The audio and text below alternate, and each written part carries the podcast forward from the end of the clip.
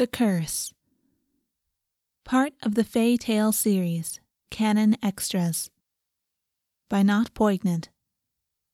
Read by Dark MK. Rated E for explicit. Warning for graphic depictions of violence. For other tags and warnings, please see the original work. Chapter 1 She gets everything she wants as a baby. It takes her parents a few years to realize that her Driocht, the fey glamour that pulses and pushes and projects, is perhaps the most powerful ever seen. Mages who are trained to know the powers of a fey child are not trained to pick up that sweet, buttery gleam of want. Fey with Driocht so powerful are rare, and besides, she was lulling them all before they were even in the room. It's not until Riamon, her grandmother, makes a tiny spidery charm to protect herself from the Driocht of another that she realizes. Adine, that child is getting her way. Crielle had refused to speak for three years, despite many Fey children being precocial and able to pick up languages within days or weeks. She had no need to. That weekend, Riamon started pushing herself to deny what Crielle wanted.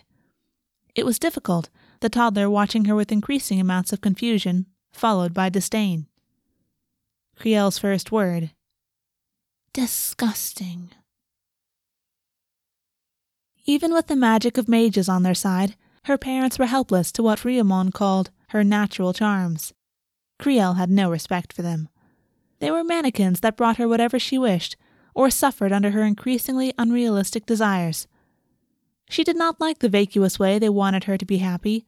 Their love was an empty object. It looked pretty enough on the outside, but she wanted the meat. She wanted her room to be festooned with flowers at all times, but she loathed bees. She pushed her father past the point of endurance many times, using her glamour to make sure he kept the windows open, kept providing fresh flowers, pinched the bees out of existence with his hand. If he missed the stinger, she became irascible. His hands were often swollen. They could afford good healers, and still he doted on her. But she enjoyed those small, indrawn breaths. The way his face would flush red, and he'd look confused, momentarily, as though he'd expected not to feel such things around his daughter. Eventually, her father was stung by one of the rarer, truly poisonous ivy bees, a green thing with eyes the color of emeralds, and he was bedridden and sick for weeks, even with healer intervention. Mom, Crielle said in delight, does it hurt him? Can you bring his bed in here? Her mother brought her father's sick bed into Crielle's room, just as excited as Crielle. They shared giggles and nervous laughter together, and Crielle wanted another ivy bee. She hadn't seen the first before her father had destroyed it, pushing its stinger deep into the flesh of his thumb. Her mother diligently looked for ivy bees, but they were too hard to find. When Riamon visited a week later, she took one look at her exhausted but happy daughter, and one look at the joy in Crielle's dark blue eyes, and grimaced. The An Fnwy curse is strong with you, isn't it? Someone needs to take charge of you, don't they, my sweet? Crielle made a face at her, but Riamon had more charms and fought the glamour well. I'm having fun, there are more ways to have fun than to drive your parents, my children, into an early grave. You want me to be boring? Crielle spat, crawling out of her bed and looking up at Riamon, wishing she could dig her fingers into her bony knees. You want me to give up the things I love doing, to be proper? No, Riamon said, a cruel light entering her own dark blue eyes. She brushed locks of golden hair behind her shoulder and knelt down so that she could look Crielle in the eye. No, my sweet, I only wish for you to hide it better. Curiosity sparked in Crielle's heart, and after a minute of wondering if this was something she wanted, her eyebrows raised. Will you teach me about poisons? Riamon cupped her cheek with the palm of her hand, the first unsolicited touch Crielle had ever received, and smirked. That and more. Crielle's heart fluttered in excitement, and she decided her grandmother might not be as disgusting as she'd assumed. Her parents, separated from Crielle long enough to fall out from under the weight of her glamour, were horrified to realize how out of control their lives had become. Crielle made them forget about court appointments, carefully cultivated strategy meetings, themselves, each other, their desires. And so Crielle was moved to her grandmother's home to learn to control herself, and her parents began to try for another child. They loved Crielle dearly, but she frightened them. Crielle liked that. Friamon insisted on being called Nain, or Mamgi. Despite being thousands of years old, she still looked only thirty, the age at which she decided to stop her body from changing its appearance. She was stunning, but carried an austerity about her which encouraged people to look beyond her beauty. Crielle envied that. She was always described as the prettiest, the most beautiful. Oh, those eyes! Use it to your advantage, Friamon would say when Crielle complained about it. If that is what people see when they first look at you, they will not see what you really are. What you really are. Crielle learned that she was not exactly the best example of a Seelie Fae. This was inconvenient. Born into a long line of politically important Fae, she had a lot to live up to, and people expected a lot from her. She was meant to care about goodness in the world, honor and duty towards her kingdom. Nain. Crielle said one evening, crawling onto the couch after spending a day tormenting birds. She still smelled of bird musk. Nain, what's the Anfin curse? She had asked this question before, but no one would speak of it, even when she blasted them with her Driocht and left them dazed. She had that under tighter control now. Riamon had trained her. Crielle no longer sent tidal waves of glamour incessantly upon everyone she met, but conversely, it meant that when she deliberately used it, she was stronger than she ever was. Oh, that, Friamon said, putting down the tiny animal skull she cradled in her hand. Crielle reached for it, but stopped at the hand that rested on her wrist. If her parents had dared, she would have punished them. But she loved Friamon and sat back, sitting neatly and waiting, expectant. She was surprised when Friamon didn't tell her anything at all. Then she was vexed. She wanted to know. Two nights later, Friamon sat by her bedside, brushing her fingers quickly over the flame of a candle, occasionally holding them there longer. Crielle could smell the faint scent of burning fingernails in the air. She was already familiar with the scent of keratin. She'd held the trembling fingers of servants over flames before. Friamon had gotten very good at sourcing silencing and memory charms for the rest of her staff. A mage once cursed the An Fnwy line. So long ago that we do not know the mage, nor the names of the people he cursed. So the story goes. Why? He was terribly insulted, Friamon said, pinching at the tip of the candle flame, threatening to snuff it from existence. A member of our line behaved in a way he found most unsettling. To punish them, and the rest of us, he lay a curse upon our bloodline that would make us cruel and malicious. Even though we are Seelie, even though we have only ever been Seelie, he made us more like our cousins across the river. Friamon was talking of the Unseelie Fae. Crielle hadn't met many Unseelie yet, but they didn't seem so bad. They didn't seem nearly as cruel as her either. Honestly, she thought them somewhat weak. Crielle said as much to Riamon. The curse has a tendency to be more keenly felt in certain generations. Your mam is not as touched by it as I am, as you are. My mam was the same. And, my sweet, it is very strong in you. What would I be like if the curse was lifted? Crielle said, eyes widening. Would I be like everyone else? I doubt it. Friamon smiled, dragging her fingers through hot wax and apparently not registering the burn at all. Crielle had learned a long time ago that Friamon liked to experience pain as much as she liked to inflict it. She found that fascinating.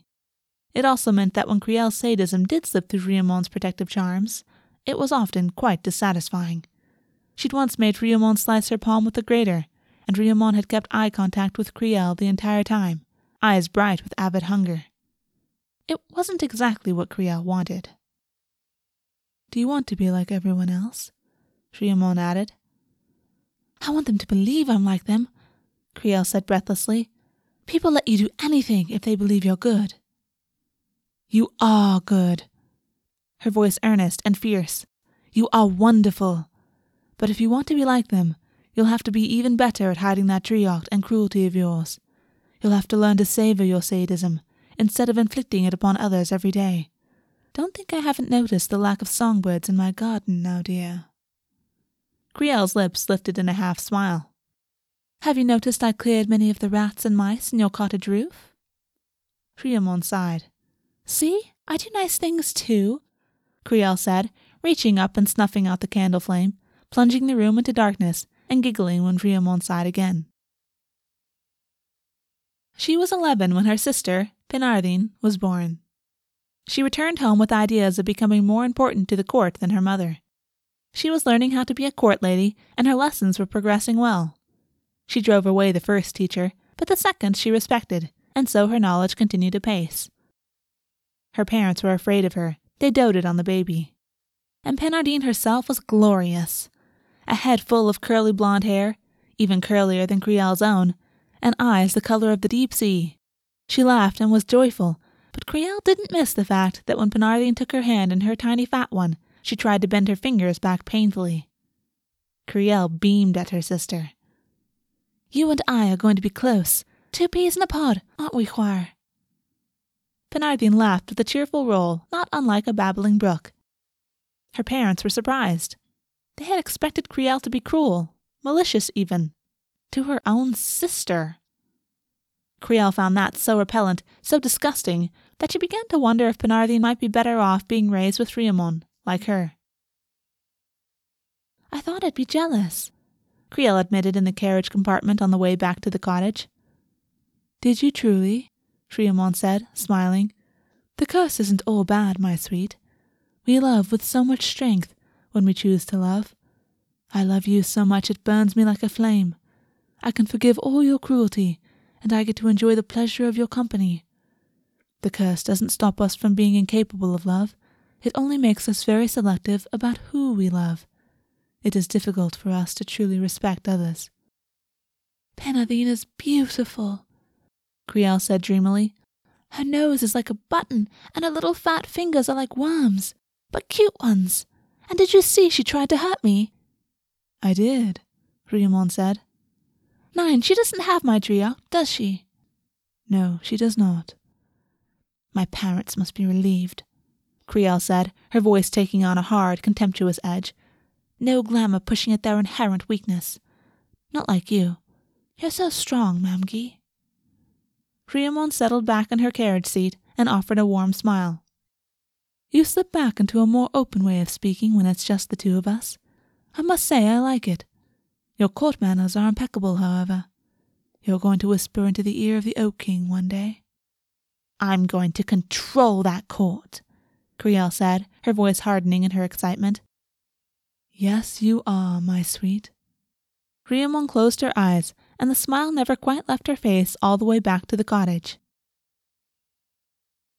She was trained by master poisoners in Riamon's cottage.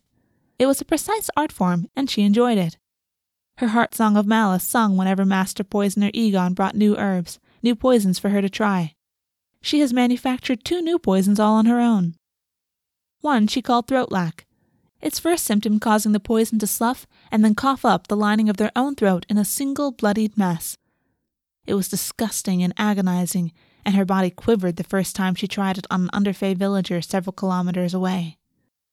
The second had no name until Egon decides it shall be called the Blue Sting tiny increments of venom harvested from deadly ivy beehives, and then combined with the blue poison from a toad in a country Crielle had never visited. The symptoms were straightforward spasms of agony eventually leading to death. They scream even once they're unconscious, Egon said, turning the tiny glass vial in his fingers carefully. He tested it himself after she gave him permission. He found the toad poison, after all. Do they? Crielle breathed, gazing at the way her concoction caught the light. Do they really? Do you like that, lady? Egon said. They both knew the answer. Thankfully, Egon was unseelie, good at keeping a secret, and had no interest in revealing the malicious heart of one of his most interesting and passionate students. She thought she'd gone far enough away from the cottage, thought that she'd been clever. The village wasn't even marked on any maps, and she'd claimed to be going on a day trip to play croquet with several neighbors down the way. She thought that she'd had her bases covered when she dropped the clear, tasteless poison into the villager's well, heart beating in such anticipation that she felt a low pulse in her gut that was unfamiliar, new, a quickening. She thought happily of the things she could teach Penardine as she grew. She would be a good sister. Even though she'd only met her sister once, she thought of her every day and loved her fiercely. She wrote her letters and sent her pressed flowers and tokens that strangers and family friends gave her because they saw her beauty and thought she must be beautiful within. That was the one thing she had going for her. The Seelie prided beauty so much that they were willing to overlook a great deal for a beautiful face. Everything about Crielle was beautiful, and those that wouldn't have found her appealing were rolled by the steady, convincing baseline of her glamour. But her beauty didn't come to her rescue when Riamon realized what she'd done. She caught the thunderous look on Riamon's face in the morning and avoided her. Riamon knew. She knew even though Crielle had avoided the village after, had left before anyone showed any symptoms, Crielle's favorite part, and had gone to play croquet just as she'd said she would. Her instincts told her to go to Riamon, to explain, to defend herself, but instead she held her silence. She was being taught that often it was more important to witness, observe, to see what other people brought to her attention. That evening, opposite each other at the dinner table, Riamon put her knife and fork down neatly on her plate, lining up the fork tines with the tip of her knife. She reached out and twirled a rose where it rested in a clear, fluted vase. You have to learn how to hide your desires, child, Riamon said, finally. They will suspect. Will they? Crielle said, arching an eyebrow. You were spotted, my sweet, Riamon said quietly, almost soothingly. Your glamour attracts the attentions of others. They see you, they remark upon your beauty, they notice you. They asked what such a stunning, precious Seelie Fae of court status, in the clothing of a court admired lady, was doing amongst villages of Underfae. But Nain, I tried to. No, Crielle, Riamon said. When you are revealed, it is better to be graceful or to obfuscate with skill. Jumping to your own defense is as good as admitting your guilt. What will we do? Crielle said. Did the whole village die? Her heart leapt at the thought.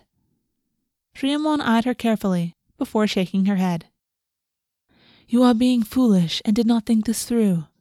By the fourth death, they realized the well was sickened and have defected to another village that will have them while a new well is built. The symptoms of the poison were disturbing enough that some are claiming the village is cursed. I have turned minds to this outcome to take their thoughts off the beautiful girl that many of them saw while working their fields.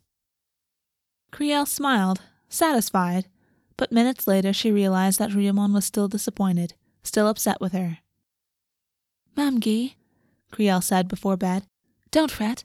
I'll heed your advice, I promise.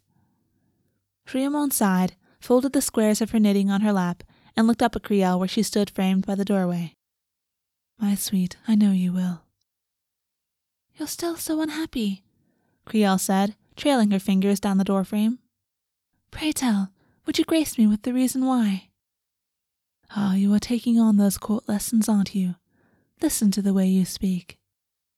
Crielle smiled, the expression tinged with a heaviness she couldn't shake. It is only that I worry you cannot control yourself, Crielle. Riamon said. The curse is so strong with you, and it's meant to end our family line. Its purpose, though we have fought against it, was to snuff us out. They will kill you, kill us all, if they realize the truth of us. Has no one ever suspected? For Crielle knew some of the deeds cruelly committed by her family line now. She understood that she was not the first to want to do such things to people and animals. Riamon only shook her head and offered a small smile. You are something else, my sweet. Now go and get some sleep, and we'll talk more when you wake. Crielle went to bed, chafing under the disappointment of her grandmother. That year was to be a bracing one. Egon brought her flowers one morning before they made their poisons, and then leaned her over a table to kiss her struggling form, only coming to a halt when she scratched vicious lines down the front of his face. He raised a hand to strike her, and she smashed into him with her glamour, ruining his mind with self hatred, loathing, disgust, until he turned his fingers on himself and gouged out his eyes. She stood over him, breathing harshly, and did not let up until he had destroyed his brainstem, the upper part of his body a bloody, wrecked mess. Ryomon found her making poisons by the body, the nails of her left hand clean of blood, her lipstick back in place and unsmeared. He molested me, Crielle said to the red liquid she dripped slowly into a vial, a flame burning carefully underneath it, keeping it at a consistent heat. She needed her concentration for this part. The chemistry and the constructions of poisons was finicky. As it was, her nose felt scoured out from the fumes she'd been breathing for an hour. Are you well? Ryomon asked, stepping neatly over the body. I believe I handled myself rather well, though I did not wish to touch the body. A gentle hand on her shoulder, and Crielle looked up at Ryomon and offered a tight smile. Ryomon returned it. The body was cleaned up by the servants, who were paid well for their ability to keep silent. Things continued as normal, and the knowledge that she could look after herself was a hearthglow in Crielle's heart. Ryomon had to go away on assignment, and Crielle decided to go home and see her sister. She missed Penardine like a sharp ache. She fidgeted her hands in her lap in nervous excitement all the way back to her birthplace. Penardine waited, hair a mop of pale golden curls, eyes gleaming, on the front landing, and when Crielle stepped out of the carriage, she didn't even wait, running barefoot across the pale gravel of the An Fnwy estate and leaping into Crielle's arms. They laughed.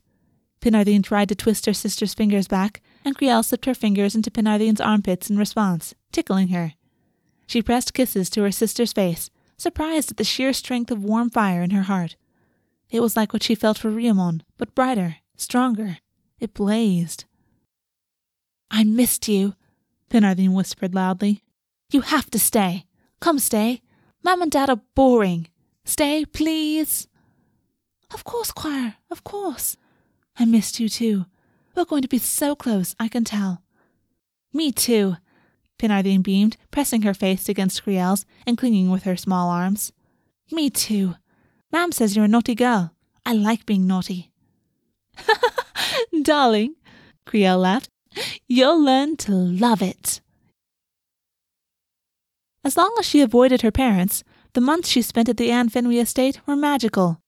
She shared a special bond with Penardine, who enjoyed inflicting pain on others even more than Crielle did, and taught her new ways to hurt others. They went through three servants in three months before Penardine said, shamefaced, that she wasn't allowed to do that any more.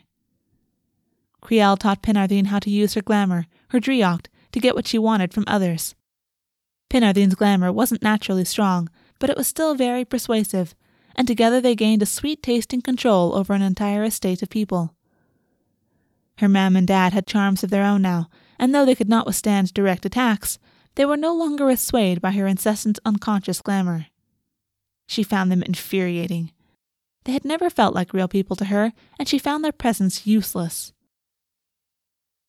On a Sunday evening, Penardine and Crielle lay under the constellations and renamed them.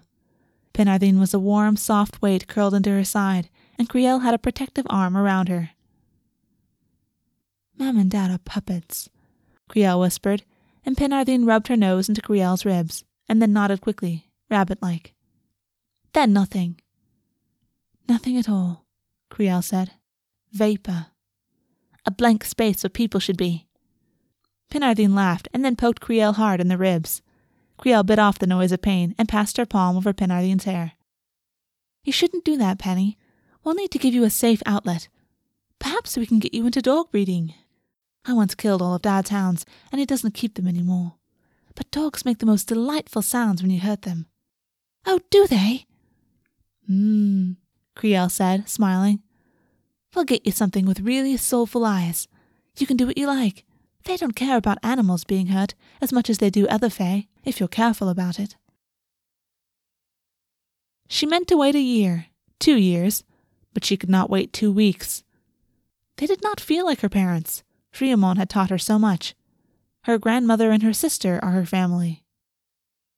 Ryomon reacted poorly to the death of her daughter, her son in law. Penardine was unbothered by their deaths, holding Crielle's hand to give her strength as they stood side by side before the wrath of their grandmother. You act too freely, Crielle, and I have no place for you at my home any more. You leave too much of a trail, and I cannot clean up every one of your messes. You must clean this one up yourself. Take over the An Fnwy estate and its holdings until such point as I appoint you a suitable husband. You may continue your training with the court, but I do not wish to see you until you can better control yourself. Crielle stared at her in surprise. Her chest hurt. But Nain!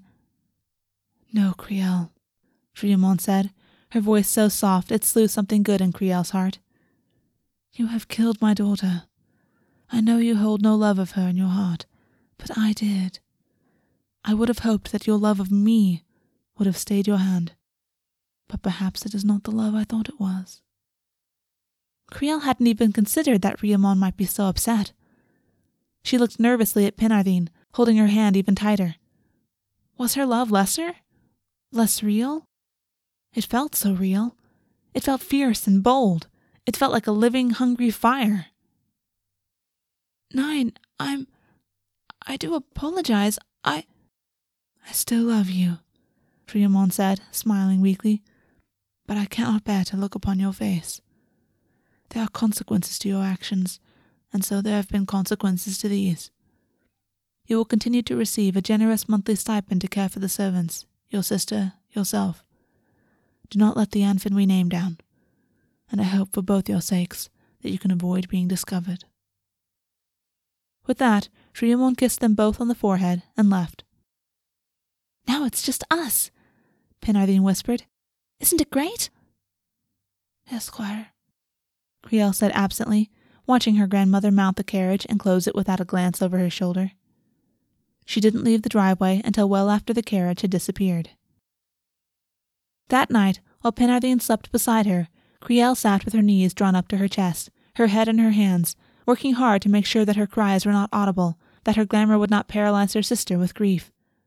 But she couldn't control her Driocht, and when she heard Penardine whimper in pain, she forced herself up and away, wandering through the corridors of her parents' house, scrambling to think of what she might do even as she wished for the guiding hand of Riamon. She couldn't bring herself to be angry at her grandmother, and she seethed over it. That Riamon would doubt her love when she couldn't even bring herself to be angry over being abandoned. The bodies of her parents had not yet been moved. The inside of her chest felt like it had cracked. There was a vast hollow beneath it, a place where she had once felt stable, where a song had woven through her soul and spoken of the glory of malice and cruelty. She stood over their still forms, and her lips curled into a sneer. They disgusted her. They were repellent. Even now, dirtying the floor of an estate that was now hers. She looked around slowly. Friamon had left her to manage things. She knew a little of managing an estate. Friamon had started teaching her, but she knew that she was going to have to present the appearance that all was going well to compensate for her lack of knowledge. She'd need to find tutors, people to help her, people she could trust, who weren't just destined to be worm food. Her hand pressed over the emptiness in her chest, and her face was sticky with drying salt. She wiped at it, exhaling sharply. She pushed away fear and doubt, drew herself up taller, stared down at the people she'd never felt any connection to. They were broken toys. They needed to be thrown out. She was dressed and presentable when there was a knock at the door. The bodies weren't in the front foyer, but she was still wary. Her glamour rolled out thick and strong, waves of calming, convincing energy that she didn't feel. Penardine was playing in the fields, likely looking for rabbits and other small animals to hunt. Penardine was far more active and vicious than Crielle herself had ever been. Penardine liked blood, violence, even found playing with dead bodies satisfying. Crielle didn't appreciate mess and had graduated past tormenting most animals long ago. She swung the door open and stared at six unfamiliar, well dressed Fae. At their head, an aristocratic man with small facial scales the color of fire opals. He smiled with his eyes, but his mouth was set in a frown. Lady Crielle, what an honor to make your acquaintance. You are even lovelier than the rumors tell. I am Melkor the Sixteenth, and this is my team. We have been hired by your esteemed grandmother to assist you in taking charge of the An Fnwy estate and managing your proclivities. Is this amenable to you? My grandmother hired you? she said, skeptically. Your grandmother wants the best for you, Lady Crielle. We are here to ensure that you get it. She stared him down, despite their height difference. She didn't want to be taken in hand. She didn't need to be managed. Melkor's lips twitched, though they never eased into anything that might be called a smile. Let me be explicit, lady. We are here to ensure that you can continue to exercise your appetites while making certain that the front you present to the rest of the Seelie Court is one of perfection. To them, you shall be a paragon of loveliness and proper conduct, a victim of the untimely and tragic death of your parents. To us, you shall be yourself. We will find you prey, if you will, and assist you in maintaining a clean home. Crielle's eyes widened. Driamon had told him everything then. Or, if not everything, then enough. Which meant Driamon trusted him. Crielle couldn't touch the bodies. She needed someone to help her, and she knew it was wrong to ask Penardine to do it.